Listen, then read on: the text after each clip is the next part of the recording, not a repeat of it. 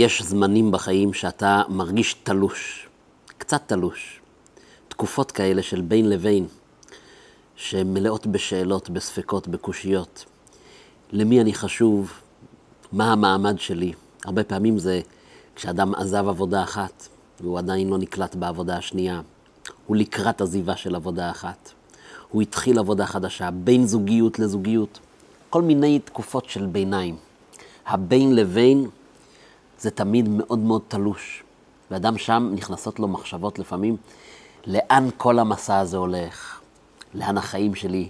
האם הרכבת דוהרת חלילה אל התהום? חס וחלילה. אבל אדם, נכנסות לו מחשבות, ולפעמים אכזבה מאוד גדולה מעצמו ועד ייאוש ממש. היום נלמד בשיעור את מה שכולנו יודעים ומכירים, שזה משהו ממש טבוע בטבע של הבריאה, בטבע האנושי, בטבע של הבריאה, שכדי לעבור משלב לשלב, יש באמצע איזו נפילה. ככה זה בטבע. אבל כרגיל בשיעורים שלנו, זה לא תשובה מספקת.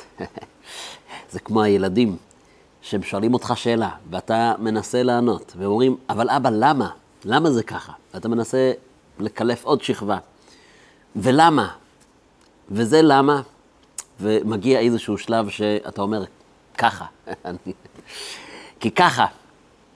והילדים לא מרפים ועדיין שואלים, למה זה ככה? אז אנחנו רוצים היום לרדת עוד יותר לעומק, ולא להסתפק בתשובה של האקסיומה, ככה זה בטבע. בטבע, כשרוצים לעבור משלב אחד לשלב השני, זה נקרא צמיחה. אתה רוצה לצמוח, אז צריך לקחת לפני שעולים לשלב החדש תנופה אחורה, וככה זה בטבע. אבל אנחנו לא מסתפקים בכך, ואנחנו שואלים, ולמה הקדוש ברוך הוא הטביע את הטבע הזה? למה ככה זה בטבע? לרדת לעומק של הדבר, כי כשנבין את הדבר בעומק, יהיה לנו יותר קל להתמודד עם התקופת ביניים הזאת. להיערך לזה, לדעת שזה מתקרב, לדעת מה עושים. ולפני שאנחנו צוללים ומתחילים את, ה, את הנושא הזה, אני באופן חריג רוצה לפנות אליכם, מאזינים יקרים, צופים יקרים, ולבקש בקשה אישית. הפודקאסט או בערוץ היוטיוב, משהו שהתחיל לפני תשעה חודשים, אז אני מרגיש ככה שההיריון הושלם. ויצאתי לדרך עם uh, uh, תכנים שאני משתדל להעלות בכל שבוע. אבל יש משהו מאוד לא מתגמל בעולם הזה של היוטיוב ושל uh, שאר ערוצי הפודקאסט. כשאתה יושב מול קהל, אתה מרגיש את הקהל, אתה יודע עם מי אתה מדבר. לעומת זאת, ב, ב, בערוצ, בערוצי המדיה השונים זה עולם שהוא פחות מתגמל, ולפעמים אתה שואל את עצמך, האם מישהו מאזין? ואם מישהו מאזין, מי אתה מאזין יקר? אז uh, לצורך כך, אני עשיתי איזשהו סקר קצר של 2-3 דקות, והוא נמצא מתחת לסרטון בהערה, בתגובה הראשונה, וגם בפודקאסטים. Uh, ואני אשמח אם, אם אתה צופה בי מפעם לפעם, או אם אתה צופה קבוע, אני מאוד אשמח שתעשה פוז רגע לסרטון שלנו ו... תקיש למטה על, על הסקר הקצר הזה. בסך הכל יש בו ארבע שאלות קצרות, אבל אני חושב שזה יאפשר לי להכיר טוב יותר אותך, אותך ואת שאר המאזינים של הערוץ הזה שנקרא חיים של משמעות. ואני מודה מראש. חזרה לענייננו. אז אומרים שצמיחה, מעניין, המילה צמיחה כשאדם אה, אה, מתקדם בחיים, אנחנו קוראים לזה צמיחה. ולמה השאלנו את המושג מן הצומח, מצמיחה? אז יש רעיון מרתק שמופיע לרוב ב, אה, בהרבה ספרי חסידות, והוא הרעיון של הגרעין ששותלים אותו בקרקע. וקורה דבר פלא. הגרעין, שלפעמים זה גרעין גרעין של אבוקדו, הגרעין נרקב באדמה לפני שהוא מתחיל להצמיח. יש איזשהו תהליך של ריקבון. זאת אומרת שיש שלב ביניים שהגרעין הוא לא גרעין, והוא גם עדיין לא צמח, הוא עדיין לא עץ, הוא עדיין לא הנביט שום דבר. והרגע הזה הוא רגע ביניים של בין לבין. ותנאי הכרחי לכל צמיחה זה לעבור את שלב האמצע של הריקבון. זה מעניין. והיום אנחנו כאמור רוצים לחקור למה זה כך. אבל זה מסביר את, ה, את העובדה שכך הטביע הקדוש ברוך הוא בעולמו. שכשאנחנו הולכים לצמוח, כשאנחנו הולכים לאפיק חדש, לעולם חדש, כשאנחנו הולכים לגדול, יש איזשהו עין באמצע, יש איזשהו אה, רגע של ריקבון. אומרים שהרגע של הלידה, תינוק נמצא ברחם אמו, יש לו עולם שלם. הוא מקופל שם, וחם לו, ונעים לו, והוא אוכל ושותה את מה שאימו אוכלת ושותה, והוא נושם את האוויר שאימו נושמת. בעוד כמה רגעים הוא יבכה את הבכי הראשון שלו, והוא יבקש מזון לאכול מהפה. והוא יהפוך להיות תינוק שנולד. ויש את הרגע של הלידה. וזה רגע שהוא אה, לפעמים מאוד טראומטי. יש הרבה מחקרים היום שמדברים על כך שלידה שהייתה מלווה, לידה שהייתה מלווה בסיבוך כלשהו, יש לה השלכות והשפעות על החיים של הילד הזה בגילאים הרבה יותר אה, מבוגרים כמובן. למה? למה הרגע הזה של הלידה הוא רגע מאוד טראומטי בשביל, היה, בשביל התינוק שנולד? כי זה רגע של בין לבין.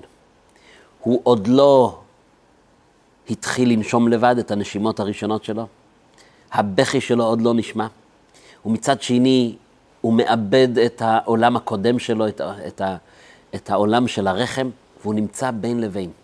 והמצב הזה של בין לבין, המצב, מצב הביניים, הוא רגע מאוד מסוכן.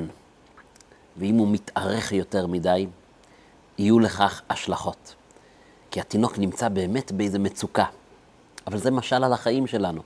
הרבה פעמים סיימנו פרק א' ואנחנו עוד לא יודעים מה טומן בחובו פרק ב', ואנחנו נמצאים באיזה מצב כזה של מחפשים במה להיאחז, ולפעמים שם נכנסות המחשבות הכי מייאשות שאדם חושב.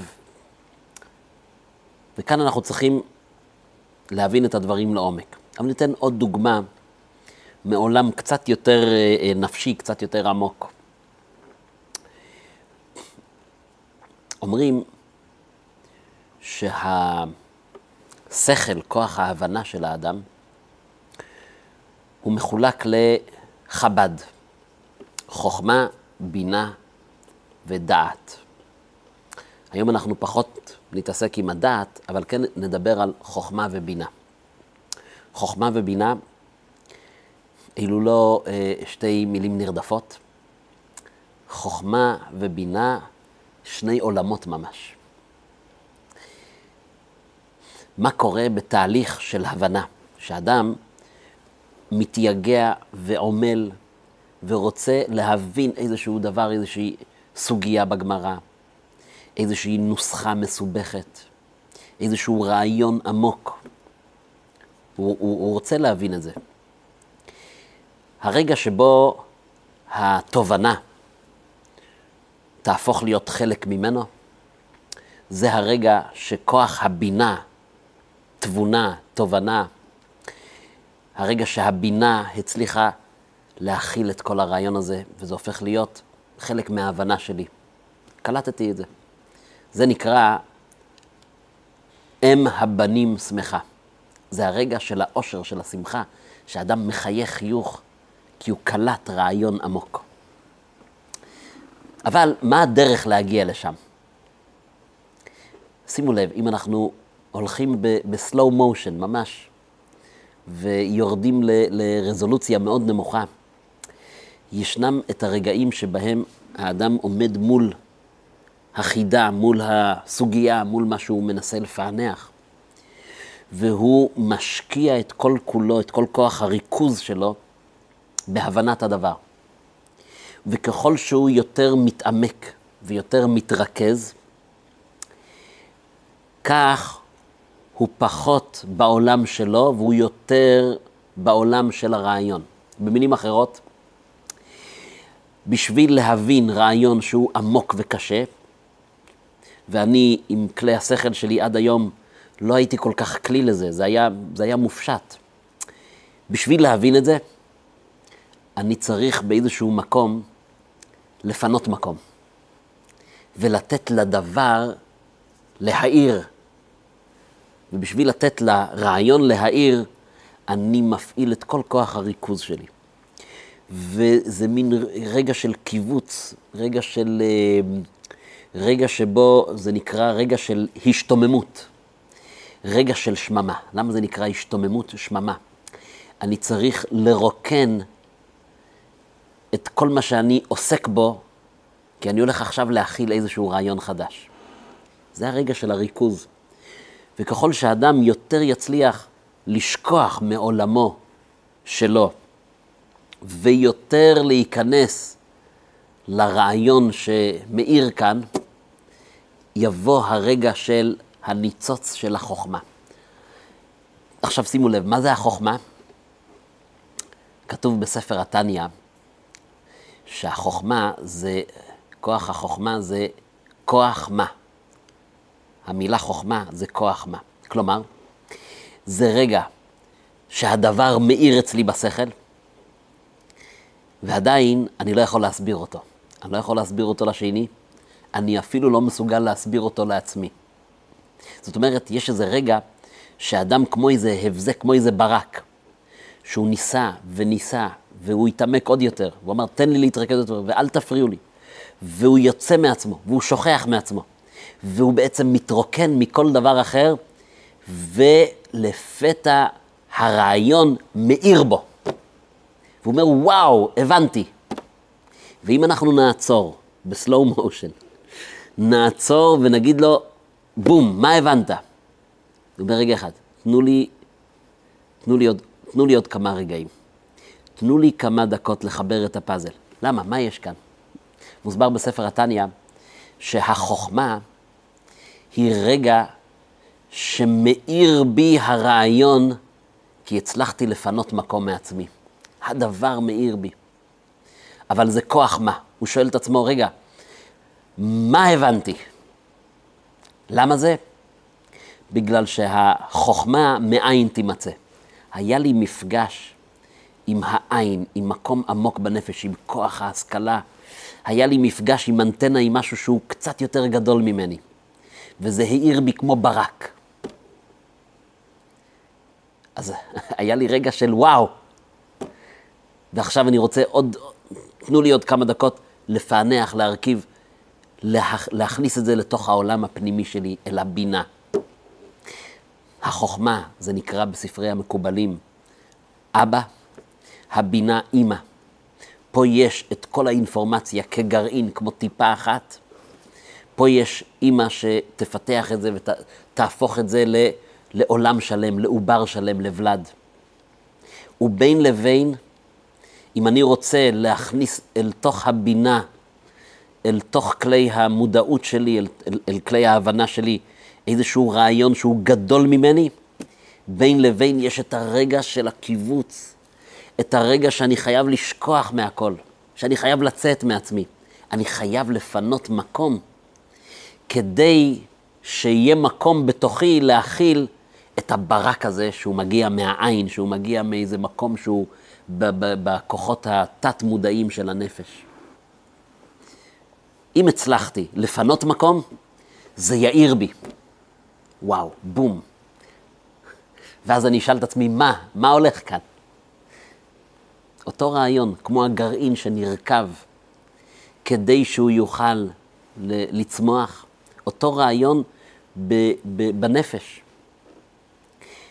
שכשאני רוצה לעבור לשלב חדש ולהבין משהו חדש, והוא קצת יותר עמוק והוא קצת יותר גדול ממני, אני חייב את השלב ביניים הזה של העין בין היש ליש. יש רגע של עין בין היש הראשון ליש השני. אתה רוצה להבין משהו שהוא גדול ממה שהיה עד עכשיו? אתה הולך מיש אחד ליש הרבה יותר גדול. אתה הולך מגרעין של אבוקדו לעץ שהולך לתת אבוקדו דורות רבים. חייב להיות באמצע איזשהו רגע של ריק, של עין. כך מסופר בתלמוד שהיה אחד מהאמוראים בדור, בדור הראשון של האמוראים, ושמו היה רבי זיירה. ורבי זיירה היה אה, אמורה שפעל ולמד ולימד בבבל, היא עיראק, ויום אחד הוא עשה עלייה, עלה, ל, עלה לארץ הקודש. וכדי להצטרף לחבורה של לומדי התורה כאן, הארץ ישראלים, הוא צם רבי זיירה 40 צומות, והוא אמר, המטרה שלי היא לשכוח את כל דרך הלימוד ושיטת הלימוד ואת אה, אה, כללי הלימוד שחייתי ופעלתי שם בבבל. כי אני יודע שחוכמת ארץ ישראל היא גבוהה יותר, היא עמוקה יותר, ואני רוצה לשכוח הכל. אז הוא צם 40 צומות, והוא עכשיו מגיע כמו דף נקי, הוא מגיע בשביל ללמוד חוכמה יותר נעלית. אומרים שבעולמות העליונים, כל עלייה של מדרגה קשורה גם כן עם איזה נפילה, אפילו בעולמות העליונים. הנשמה עולה מגן עדן אחד לגן עדן אחר. אז יש באמצע, כך אומרים המקובלים, איזשהו עמוד, איזשהו נהר, ובין לבין היא מאבדת את כל מה שהיא זוכרת מהמקום הקודם, כדי שהיא תוכל להיות כלי לדבר החדש. אז כך זה בעולמות העליונים, כך זה בעולם הצומח, כך זה בעולם הנפש. ואנחנו שואלים למה. למה הגרעין צריך להירקב? למה בין עבודה לעבודה ובין זוגיות לזוגיות ובין שלב לשלב בחיים שלי אני צריך לחוות את הרגע הזה של הנפילה? והתשובה תהיה, שוב פעם, מעולם הצומח. אז מוסבר בחסידות שמה נותן כוח להצמיח כל מיני פירות ועצים ו... ו- וירקות ומעדנים וצמחים? התשובה היא, הקדוש ברוך הוא הכניס בתוך האדמה, הוא הכניס את כוח הצומח. הביטו אל אדמה, אדמה יש בה כוח אינסופי של, היא מצמיחה דברים. אז כוח הצומח נמצא באדמה. למה הקדוש ברוך הוא ב... בעשרה מאמרות ברא את העולם, אחד מהם היה תדשי הארץ. והמאמר הזה, מילותיו, האנרגיה העצומה ששם הקדוש ברוך הוא בארץ, שהיא תדשה, פועלת מאז ללא הפסק וללא חולשה, ונותנת כוח של צמיחה מהאדמה. וכאן קורה הדבר המדהים, הגרעין, הוא רוצה לקבל מהצומח, מהכוח הזה הרוחני הצומח שיש בארץ, הוא רוצה לקבל את היכולות להצמיח עץ של אבוקדו. אז מה הוא צריך לעשות? היות שהוא הגיע בתור גרעין יפה, יש לו איזו מציאות, הוא חייב להירקב קצת. הוא חייב לפנות מקום כדי לתת לכוח הצומח הרוחני שבאדמה לפעול דרכו.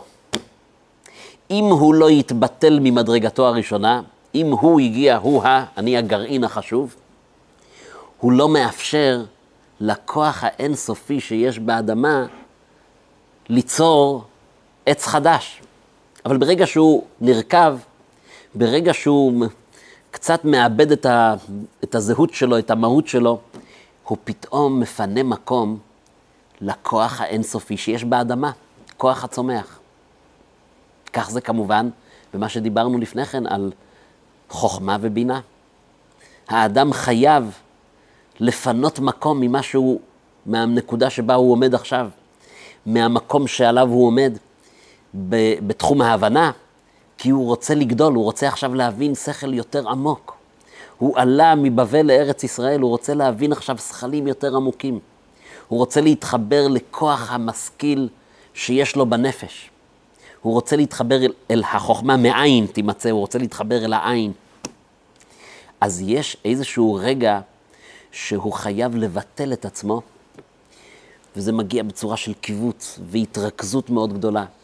ולשכוח מהכל ולהיות מונח בתוך הרעיון. פנה מקום ותן לרעיון, לאין סוף, להאיר בתוכך. זה יהפוך אותך לכלי. ברגע שיאיר בך הברק, זה אומר שאתה נהיית כלי חדש. ואז אתה תוכל להצמיח בכלי הבינה רעיונות נשגבים חדשים שלא היו לך קודם. שמעתי פעם משל, שאדם הולך ברחוב ופתאום הוא שומע נעימה, הוא שומע פסנתר, הוא מיד מזהה, כן, זה אה, אה, יצירה שהוא מכיר של בטהובן, והוא הולך קסם אחרי הצלילים, עד שהוא שומע מאיזה חלון באמת נשמעים הצלילים, והוא עומד שם והוא כל כך מתענג, ופתאום עולה במחשבתו השאלה, האם יש כאן תקליט? האם זה קלטת? האם זה משהו מוקלט? שאני שומע מאיזה רמקול, מאיזה... אה, או אולי יש כאן פסנתרן אמיתי. האם פסנתרן מנגן, או שזה רק תקליט מתנגן לו? ואז, בתוך הנעימה הזאת, פתאום נהיה שקט. מנגן הפסנתר עשה טעות, ונהיה שקט. והוא מחפש לחזור אל שורת התווים, אל ההתחלה, והנגינה מתחדשת. הוא אומר, אה, זה פסנתרן. יש כאן פסנתרן. זה לא תקליט. מה הנמשל? הרבה פעמים בחיים שלנו, הקדוש ברוך הוא מוביל אותנו בדרך לא דרך, שנגיע לאיזו נפילה. הרבה פעמים זה לא תלוי בנו. ברוב המקרים זה לא תלוי בנו. והביא אותנו לאיזה מקום של אין ברירה, ואתה נמצא בנפילה. ופתאום אתה תלוש. וברגעים הללו הרבה יותר קל לנו להתחבר אל האינסוף. להיזכר שזה לא תקליט, זה לא תקליט. זה לא תקליט. יש מישהו שמנגן את המנגינה הזאת. יש אלוקים. אני מאמין שהוא קיים. והאלוקים הזה שקיים, הוא לא ברא את העולם ויצא לפנסיה. הוא מנהל את העולם המחדש בטובו בכל יום תמיד מעשה בראשית. ולא רק שאני מאמין שהוא ברא את העולם והוא מנהל את העולם, אלא הוא כלי וחי גואלי וצור חבלי, אכפת לו ממני באופן אישי. ולא רק שאני מאמין שהוא קיים, ואני מאמין שהוא מנהל את העולם ומחדש את העולם, ושאכפת לו ממני, אלא אני מאמין גם בהשגחה פרטית. אני מאמין שכל מה שקורה איתי, זה הכל נכתב כי יש כאן פסנתרן. אבל כשהמנגינה מתנגנת ומתנגנת ומתנגנת, אנחנו לפעמים שוכחים עליו. ואז כשאנחנו אמורים לצמוח, אין דרך אחרת. צריכים פתאום לעבור איזו תקופה תלושה כזאת בחיים. ומה קורה לנו אז? אנחנו מרימים את העיניים לשמיים, ומתחזקים באמונה ובביטחון. אילו רגעים שהם רגעים מסוכנים. זה יכול להוביל אותי לשבירה הכי גדולה, וזה יכול להוביל אותי לאמונה הרבה יותר חזקה ממה שהייתי קודם. פתאום אני מפנה מקום. ואני אומר, מי אני? מה אני? אני בקושי יכול להחליט מה יהיה איתי היום, מה יהיה איתי מחר, גם את זה לא. וזה מוביל אותי לחזק את הקשר עם מי שמנגן על הפסנתר. וכשאני מפנה מקום מעצמי, ואני נותן לו להיכנס לחיים שלי, אני הופך להיות כלי ראוי כדי לצמוח. זה הסוד וזה הסיבה שככה זה בטבע. למה זה ככה בטבע? למה זה ככה בטבע? כדי שניזכר שיש מי שמנגן על, על הקלידים, יש מישהו שמנגן על, ה, על המנגינה של החיים האלה. אני לא סתם כאן. הקדוש ברוך הוא ברא אותי, הקדוש ברוך הוא שלח אותי, הוא שם בי נשמה, הוא ויפח באפיו נשמת חיים, הוא נפח בי נשמה. אז החיים האלה הם מתוכננים, הם מדויקים בשבילי. ואם חלילה שכחתי מזה, וחשבתי שהתקליט מתנגן לו, אז הקדוש ברוך הוא דואג להזכיר לי את זה, ופתאום אני מוצא את עצמי מתחבר אליו. ואומר פרק תהילים, ומדבר אליו, ומתפלל אליו בשפה שלי, ומחזק את הקשר שלי אליו, כלומר, מפנה מקום מהאגו שלי, ואומר, הגרעין שהיה נראה לי כזה גרעין טוב, מותר לגרעין להירקב קצת, מותר לי להרגיש קצת תלוש, לא במובן השלילי, אלא קצת תלוש כדי לחזק את הקשר שלי עם הדבר האמיתי, עם האינסוף. וכשזה קורה, פורצים לחיים שלי דברים חדשים, מופלאים. ואני אומר, וואו, תודה, ריבונו של עולם, לא האמנתי. לאן אני אגיע בזכות אותו משבר, בזכות אותה נפילה? איזו צמיחה יש לי בחיים. הרבה פעמים זה לוקח זמן עד שאדם אומר תודה על, על, על הנפילה שהייתה. אבל בכל המקרים, כדי לצמוח, צריכים לפנות מקום. אם הבנו את העיקרון הזה, זה ייתן לנו כלי מדהים. כי כשאנחנו נמצא את עצמנו בפעם הבאה, ותהיה פעם הבאה, שאדם ימצא את עצמו בין לבין באיזה צומת דרכים, הוא יזכיר לעצמו את השיעור שלנו היום. אומר, אה, יש כאן קריאה של אלוקים, תפנה קצת מקום. אז אדם ייקח ספר תהילים, הוא לא יחכה לעוד רמזים, אלא הוא מיד ייזכר, זה הזמן שלי קצת להירקב, קצת ביטול, במקום אני ואני, קצת עין. זה אותן אותיות. כי כנראה שמעבר לפינה הקדוש ברוך הוא מכין לי את השלב הבא. היה יש, היה גרעין, אבל מחכה להיות עץ. ואדם קצת, קצת, קצת ייזכר בו וקצת ייאחז בו, והוא פתאום ירגיש שיש לו עוגן בחיים. כל פרק כמעט בספר התהילים יכול להיות עוגן, כי דוד המלך עבר כל כך הרבה משברים בחיים שלו, וכל כך הרבה מקומות שהוא אומר, מאין יבוא עזרי. אה, מהעין יבוא עזרי. אומרים, יש פסוק בתהילים, עת צרה היא ליעקב וממנה יבשע. אומרים, מה הפירוש? הבעל שם טוב פירש. כשיש לאדם צרה, זה בגלל שממנה, מתוך הנפילה, מתוך המשבר, מתוך הצרה, יבשע. רוצים להושיע אותו, רוצים להצמיח משהו. לכן באה הצרה, אותיות צוהר, כדי שאדם יפנה קצת מקום מהאגו, ישיל קצת קליפות, ירשה לעצמו קצת לפנות ולהירקב, כדי לפנות מקום לאין סוף שרוצה לפעול מתוכו. ממנה יבשע. זה יכול להסביר את הסיפור של אברהם אבינו למשל. הקדוש ברוך הוא אומר לו, לך לך מארצך ומולדתך, צא. לאן, לאן ללכת הוא לא אומר לו, צא מכאן. אל הארץ אשר הרקע, תצא, קודם כל תארוז מזוודות, והלו, אברהם בן 75, יש לו אלפים של אנשים שהולכים לאורו, בן אדם שמפיץ את האמונה באל אחד. אומר, תעזוב הכל. קח כמה תיקים וכמה שקיות, וקדימה, צא לדרך, תעזוב את העיר. בלי לדעת לאן, בלי לדעת למה.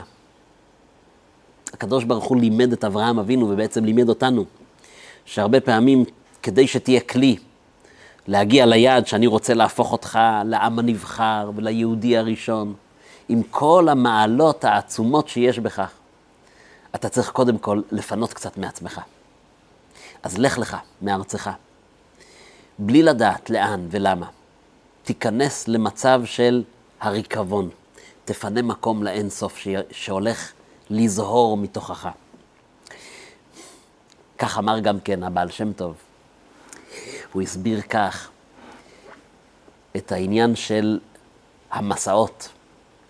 כולם יודעים, יש ב, בסוף uh, ספר במדבר, אז התורה מונה 42 מסעות שבני ישראל מצאתם ממצרים, ועד שהם הגיעו אל ערבות מואב רגע לפני הכניסה אל ארץ כנען. אמר הבעל שם טוב, שאדם מרגע הלידה שלו ועד שהוא מגיע אל הארץ המובטחת, עד שהוא מגיע אחרי 120, כל אדם עובר 42 תחנות. הוא אומר, אם אדם, אם אדם יעשה חושבין אחורה, ויראה כמה תחנות משמעותיות היו לו בחיים, של מעברים, זה לא חייב להיות מעבר גיאוגרפי, פיזי, שאדם עבר דירה, אלא מצבים נפשיים, 42 מסעות. אבל החידוש בתורה של הבעל שם טוב, שבתוך המסעות הללו היו מסעות שישבנו 20 שנה במקום אחד, בנדודים במדבר. ישבו 20 שנה במקום אחד ולמדו תורה, והיה לכאורה נפלא, אידיאלי. והיו מקומות שהחנייה הייתה רק לילה אחד. והיו מסעות שבהם במקום להתקדם קדימה, חזרנו אחורה. יש שמונה מסעות כאלה. שמונה מסעות שאנחנו בעצם הולכים רוורס. ועם ישראל שואל את עצמו, היעד הוא, אנחנו הולכים לארץ כנען, אז למה אנחנו חוזרים אחורה? זה לימד הבעל שם טוב. דע לך שאתה נמצא בהתקדמות כל הזמן, וגם בתחנות שהיה נדמה לך שאתה הולך לאיבוד, כן, זה, זה גם חלק מהמסע שלך. יש בזה גם איזה מסר. זה בשביל שאדם יפנה מקום. בשביל שאדם יפנה מקום ויהיה כלי לשלב הבא. ולהיות כלי זה אומר להכניס את הקדוש ברוך הוא לתוך החיים שלי.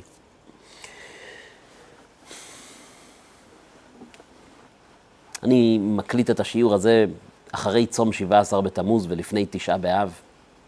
אומרים ששלושת השבועות עם האבלות צריכים לזכור שלעתיד לבוא, כשיבוא משיח, אלו יהיו ימי חג, ימי שמחה גדולים. תשעה באב יהיה חג החגים. שבעה עשר בתמוז חג. והימים שביניהם יהיו כמו איזה חול המועד, כמו איזה חג אחד ארוך. למה? למה כשאנחנו שוב פעם נזכה לעולם מתוקן? עולם מתוקן זה עולם כזה שבו עם ישראל יכול לקיים את כל המצוות, כי יש לנו את בית המקדש. זה יהיה עולם שבו אין רעה ואין מלחמה ואין יצר הרע. הולך להיות עולם אידיאלי. למה אנחנו אז נחגוג את הימים האלה? מילא אם נבטל את הצום ונאמר, זהו זה, כבר לא צריך לצום, חזרנו לעולם שמח, עולם בריא, עולם מתוקן. אבל למה לחגוג? מה החגיגה? אומרים בגלל שבעומק העניין, נכון שעבורנו זה ציון של ימים של כאב, אבל בעומק העניין, מצידו של בורא העולם, מצידו של הקדוש ברוך הוא, הרי המטרה שלשמה נברא בעולם הדבר הזה של ענישה, שהקדוש ברוך הוא מוכיח את הבנים שלו, את הילדים שלו, והגלה אותנו, ו... וכמו שכתוב בתהילים, מזמור לאסף, איך שהקדוש ברוך הוא הוציא את חמתו על, על עצים ועל אבנים וכילה את בית המקדש. נכון, אנחנו נמצאים בכאב גדול ואנחנו מתאבלים ויש מנהגי אבלות. אבל הקדוש ברוך הוא אומר, הרי המטרה היא מטרה שהילד יגדל מזה ויצמח מזה. ובאיזשהו מקום, אם לא הייתי עושה את, ה, את החורבן, לא היה יכול לצמוח דבר חדש שיהיה לעתיד לבוא במהרה בימינו. זאת אומרת שהעומק עומק של הצרות הם בעצם אהבה גדולה מאוד של הקדוש ברוך הוא. משל למה הדבר דומה? לאבא שדווקא העונש שהוא נותן לבן שלו, ודווקא היכולת שלו לקחת אותו ל, לרופא שיניים או לניתוח, דווקא זה מעיד על עומק האהבה שיש בו. כן, כי סוכריות, גם כן הדודות מחלקות, וגם השכנים נותנים uh, ממתקים. אבל למי, למי אכפת באמת? תחפש מי מוכיח את הילד, מי מעניש אותו, מי עומד על כך שהוא יעשה שיעורי בית לבד, בלי עזרה של אימא.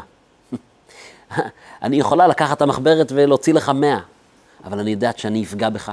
אני יודעת שמזה לא יצמח שום דבר, אני רוצה שאתה תשבור את הראש. אני רוצה לטובתך שאתה תפתור את, את החידה הזאת לבד. היכולת של הורים לכאורה ל, ל, ל, להיות קשים קצת עם הילדים שלהם, זה, זה לטוב, זה מראה על האהבה שלהם, זה מראה על טובתם.